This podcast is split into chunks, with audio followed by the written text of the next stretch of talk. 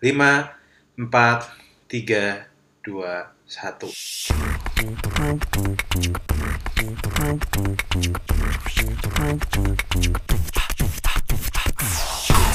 Halo guys, balik lagi dengan gue Ragu Lewi Yes, bersama gue juga Denny Gamadi.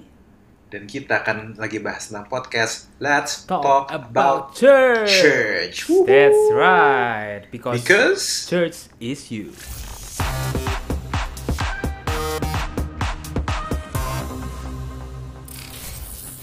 Nice. Jadi dan kita akan bahas tema yang sebenarnya sangat menarik dan Nah. sering orang alamin ya, Apa tuh? especially di gerejaan. Mhm. Jadi sebenarnya gini, eh, judul podcast kita kali ini ada tentang when to stay and when to leave. Waduh. Ini bicara tentang apa? Udah Aha. pasti tahu. Ini kita bicara tentang KPHT atau kepahitan. Wah, wah, wah. Kepahitan Harus. itu kayaknya satu kata yang kita udah sering alamin ya, dan nggak cuma di gereja, Aha. di mana pun kita bisa ngalamin dan kayaknya kepahitan itu sudah ada selama sejarah gereja ada dan selama Se- sejarah keman- sejarah manusia itu ada ya, Benar. pahit di dalam hati itu. Mhm, Nah, mhm. Dan yang kita harus tahu bahwa banyak yang ngalamin dan kalau boleh jujur dan Mhm. gue juga pernah ngalamin, Wah, ini. gue juga pernah ngalamin. Wuh, perih bro. Kalau ngomong toksik di gereja atau gereja yang toksik, hmm. Satu sesi sendiri nih. Betul. Makanya kita bikin sesi ini. nah, dan gue sempet nanya. Jadi iya. gini, tahu nggak? Pada waktu gue ngobrol sama orang-orang yang katanya kepahitan itu, Ah, tetapi mereka kasih tahu. ah, Mereka tahu nggak? Mereka tuh nggak semua tuh orang-orang awam. Oke. Banyak di antara mereka tuh sudah melayani, bahkan mungkin sudah di gereja itu dari kecil. Hmm. Mereka sudah, mereka bukan orang yang totally nggak tahu lah. Mm-mm. Mereka melayani. Terus tiba-tiba mereka jadi pahit. Hmm, Nah, hmm. kalau misalnya dicek, ada beberapa sih eh, kayak penyebab kepahitan ya. Hmm. Jadi pada waktu gue sempat survei, eh, dia, ini ada beberapa nih dalam, dalam penyebab kepahitan dalam gereja. nih ya. Survei membuktikan. Survei membuktikan ada politik dalam gereja. Wow, panas. Itu panas tuh. Politik dalam gereja itu mungkin idenya seperti kayak ini kayak kok di, di politik dalam gereja itu kayak mereka pakai cara-cara yang yang kesannya kok ini bagi kita ya Mm-mm. kok kayak nggak jujur ya kayak kayak kok nggak kayak anak Tuhan ya kayak kayak gitulah yang buat kalau dari bahasa mereka. Kedua mereka suka luka sama orang-orang gereja. Hmm. sama mungkin omongannya mungkin baru datang udah lama nggak datang tiba-tiba eh kok udah pas datang kok makin gendut aja? Nah itu tuh nyebelin. Terus ketiga sistem gereja. Hmm. kok sistem gereja kok begini sih? Kayak kesannya kayak eh, bikin ada loh orang-orang kesel sama sistem gereja. Mm-mm. mereka bilang mereka cari duit di musik. Misalnya di musisi ya. Mm-mm. mereka senang mainin Tuhan tapi mereka harus cari penghidupan di luar Mm-mm. Nah, tapi yang terjadi mereka itu eh, nggak boleh diizinin melayani di luar nggak diizinin Hmm. main di luar dengan alasan oh kamu nggak kudus nanti kamu gak usah pelayanan lagi Mm-mm. pahit mereka terus ada benturan sama pemimpin Hmm, ini mungkin dia. biasa benturannya itu benturan biasa cuma mungkin eh, kata-katanya mungkin atau topik-topik ya atau mungkin pemimpinnya ngeluarin statement yang nggak masuk akal bagi mereka bisa Mm-mm. Juga ada lingkungan yang toksik memang lingkungannya tuh demen ngomongin orang di belakang dan ngejatoin orang aja Iya, iya. di gereja tuh banyak ternyata kayak gini Iya. sama iya. yang terakhir yang paling sering sering diomongin orang gereja itu munafik Waduh. Itu udah paling sering ya. Pedas. mau depan Iya, belakang iya. beda ya itu udah paling sering lah so ya itu itu yang paling sering sih Yes, yes, yes. dan yes. lu pernah ngalamin nggak Hah, gua pernah ngalamin nggak secara langsung. Oke Gua pernah menyaksikan juga orang-orang yang gue hormati juga kepahitan sama institusi gereja dan segala di dalamnya. Dan karena gue juga lama pelayanan di gereja, so ya kurang lebih tahu permainan-permainan yang kotor seperti gitu Hmm. ya. Ouch, ya. Dan gue rasa banyak lu orang yang denger juga pernah Betul. mencium bau-bau kebusukan. betul dan gue pun juga pernah pahit bro Oh ya. gue juga pernah pahit Mhm. Gue pernah pahit sama gereja sampai belasan tahun jadi makanya Oh. kalau boleh jujur gini kalau gue saat ini ngomong berani bilang bahwa gue mengasihi gereja Mm-mm. itu harusnya kalian anggap situ serius Hmm. Kenapa? Karena gue dari orang yang tadinya eh, kayak left banget lah. Sekarang jadi right banget, ngerti gak sih?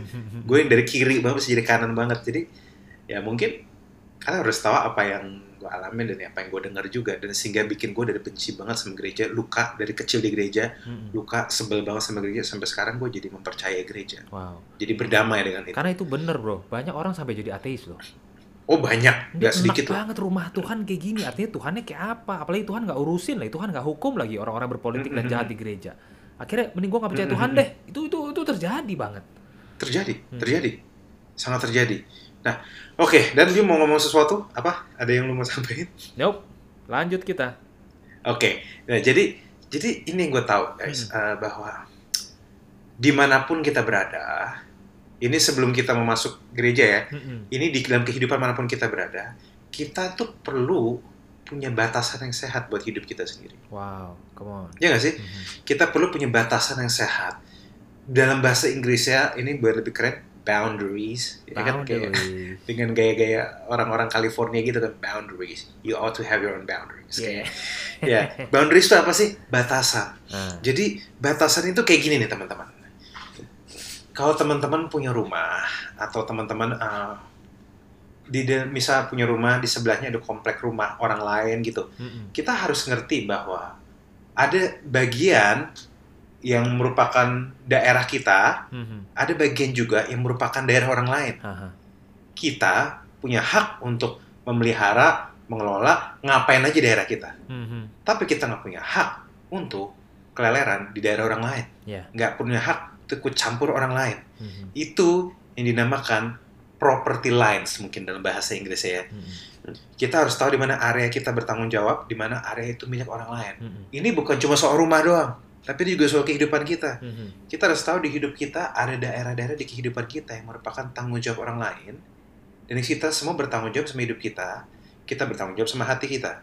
Kita bertanggung jawab sama kesehatan kita. Tapi kita tidak bisa sepenuhnya bertanggung jawab di orang lain. Dan kita nggak bisa sepenuhnya nyebrang, ngebongkar boundaries orang lain. Mhm. Ngebongkar batasan orang lain. Jadi, jadi gini, gue rasa kepahitan terjadi. Ini pendapat gue pribadi ya. Yep. Kepahitan itu dimulai saat ada seseorang atau siapa pun yang tanpa sadar ngelanggar batasan orang lain.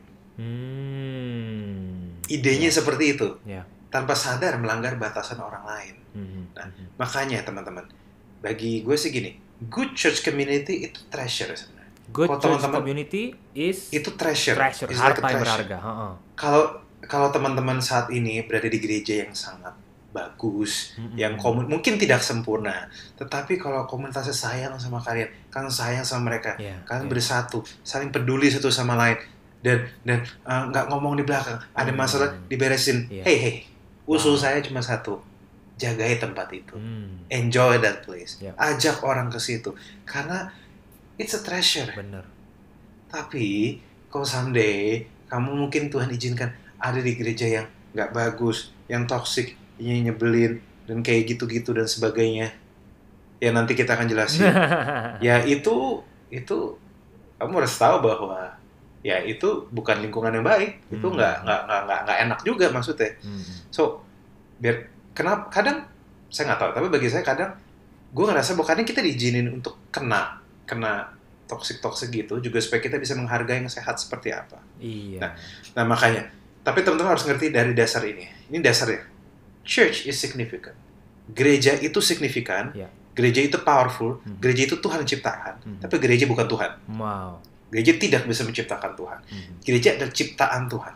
Dan apa pun terjadi, personal relationship kita yang terbesar itu ada pada Tuhan Yesus Kristus, Hmm. juru selamat kita. Dan ya, kepada persekutuan dengan Allah Tritunggal. Ya, ya, seperti Betul. itulah. Jadi dalam arti kalau lu pindah gereja itu bukan Hmm. berarti lu meninggalkan Tuhan. ya, nggak ada hubungannya itu. Ya, meskipun gereja signifikan, gereja tidak menggantikan Allah soalnya. Yes, betul. Oke. Jadi kamu harus ngerti bahwa walaupun kamu pindah gereja, kamu bukan ninggalin Tuhan. Mhm. Oke, har- itu itu yang harus dipegang karena gereja dan Tuhan itu ada sinambungnya tapi nggak sama. Mhm. Jadi Mhm. orang tuh jangan sampai salah maksudnya. Mhm. Nah, Oke, nah sekarang ini yang kita perlu ngerti. Ya. Teman-teman percaya atau enggak, yang bikin kita benturan paling banyak itu karena orangnya. orang Yang ya. paling banyak. Hmm. Ini kita kan udah pernah bahas di podcast waktu itu ya. Mhm. Orangnya yang bikin benturan rata-rata. Kan maaf, em, misalnya gerejamu tuh bagus, LED-nya gede, Hmm. kamu nggak bakal sakit hati sama LED. Hmm. Tapi kamu mungkin yang bakal sakit hati sama orang yang beli LED-nya. Hmm. Bener. Mau tahu lanjutannya? Pantengin terus podcast Let's Talk About Church. Because church is you. Ciao.